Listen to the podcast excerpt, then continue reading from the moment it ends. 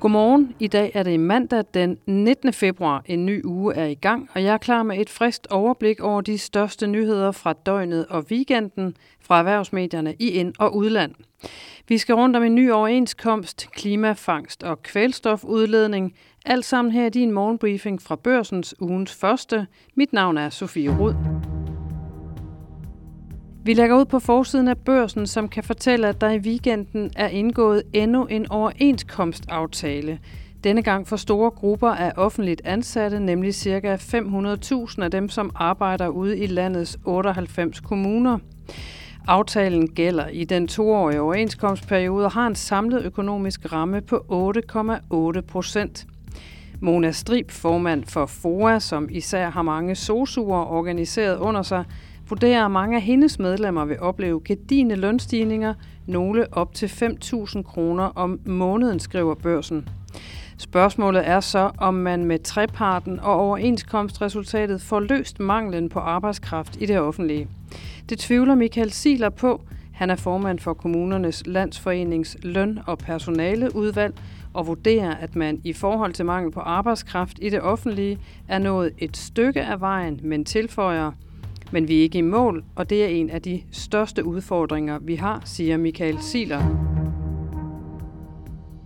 Og så er der muligt jobnyt i udlandet til en dansk jurist med fortid i både bank og hos myndigheder. Den italienske storbank Unicredit vil nemlig gennemføre en større udskiftning i bestyrelsen, der blandt andet skal give plads til en dansker, hun hedder Julie B. Galbu og er jurist. Banken fortæller, at man med hjælp fra to headhunter-firmaer har set på 105 kandidater til bestyrelsen, hvoraf man har interviewet 17 og udvalgt 6, herunder den danske jurist Julia Galbo. Hun er allerede bestyrelsesmedlem i Norges dominerende bank DNB og Australiens største bank Commonwealth Bank of Australia eller Combank. Hun er også bestyrelsesformand for den børsnoterede IT-virksomhed Trifork og kapitalfonden Gro Capital – Unikredit lægger op til, at 6 af 15 bestyrelsesmedlemmer udskiftes på generalforsamlingen i Milano 12. april. Et gennembrud. Et meget vigtigt klimainstrument. Nøglen til Danmarks næste grønne erhvervseventyr. Regeringens klimahandlingsplan er fuld af lovord, når det kommer til opsamling og lagring af CO2, det såkaldte CO2-fangst. Og der satses stort. Staten har afsat 38 milliarder kroner til CO2-fangstprojekter, men teknologien møder modstand fra kritikere, der i stedet hellere ser, at vi bruger de enorme støttebeløb på andre tiltag i klimakampen, det skriver Finans i dag. Blandt andre Frederik Sandby, som er sekretariatsleder i Klimabevægelsen i Danmark, han siger til Finans, vi skal være påpasselige med at bruge CO2-fangst som klimaløsning, det er en teknologi, som ikke kan stå alene og som stadig er meget langt fra modenhed, siger Frederik Sandby. Alt godt kommer til den, der venter, lyder et ordsprog, og i ugen, der kommer, lander en præsentation, der har potentialet til at antænde en højspændt diskussion i regeringen, og den har været længe ventet hos både politikerne, landbruget og de grønne organisationer. Det drejer sig om det såkaldte Svareudvalg, der er opkaldt efter økonomiprofessor Michael Svare, og det udvalg leverer altså i denne uge sine anbefalinger til en mere ensartet CO2-afgift, et idékatalog for politikere til, hvordan landbruget kan bidrage til at nedbringe kvælstofudslippet. Du kan følge med i det hos børsen i løbet af ugen. Julia Navalnaya, enken efter den russiske oppositionspolitiker Alexei Navalny, der døde fredag, er indbudt til at mødes med EU's udenrigsminister i dag mandag. Det oplyser EU's udenrigs, udenrigschef Josef Borrell på mediet X. Borrell skriver, Udenrigsministerne ønsker at sende et stærkt signal til frihedskæmper i Rusland og ære mindet om Alexei Navalny, lyder det. Alexei Navalny's hustru var også med på den årlige sikkerhedskonference i München. Her stillede hun sig fredag frem for at møde journalister kort tid efter meldingen om sin mands død i en sibirisk straffekoloni.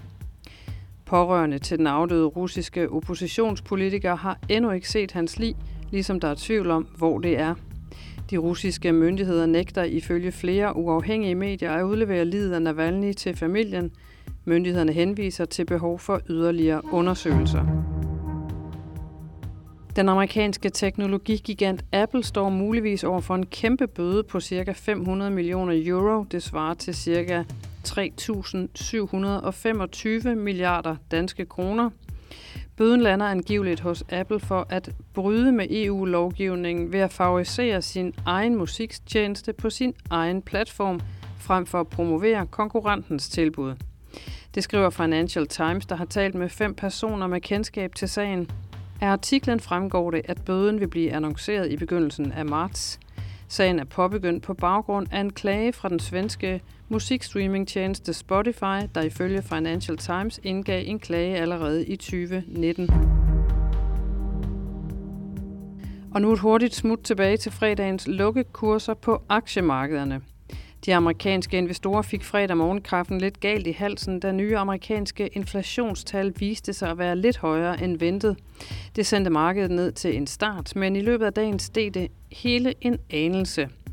S&P 500 gik derefter på weekend med et minus på 0,5 procent efter torsdagens rekord, mens Nasdaq led det største tab fredag med et minus på 0,8 procent. Herhjemme sendte den højere end ventet inflation i USA også de danske aktier lidt ned, men at dagen endte alligevel i grønt. Et plus på 0,2 procent i C25 blev det til. Som jeg lige nævnte, og som du muligvis har hørt hen over weekenden, så kom det fredag frem, at den russiske oppositionspolitiker Alexei Navalny døde fredag i hænderne på det russiske styre. Hans hustru og enke Julia Navalnaya fik beskeden om, at hendes mand var død, mens hun deltog i den internationale sikkerhedskonference i München. Men i stedet for at tage hjem, så gik hun på scenen og kommenterede sin mands død. Her er en bid af, hvad hun sagde, oversat af en af topmødets tolke.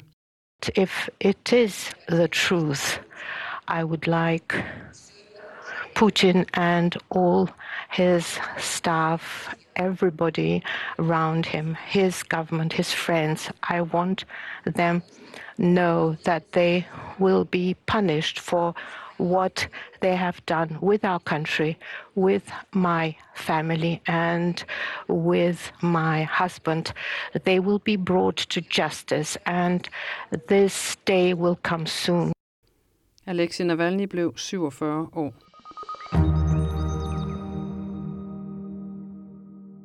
Det var alt fra morgenbriefing i dag, men der er stadig fire briefinger tilbage denne uge. Den næste kommer i morgen tidlig, så indtil vi høres ved, så ønsker jeg dig en fredelig og god mandag.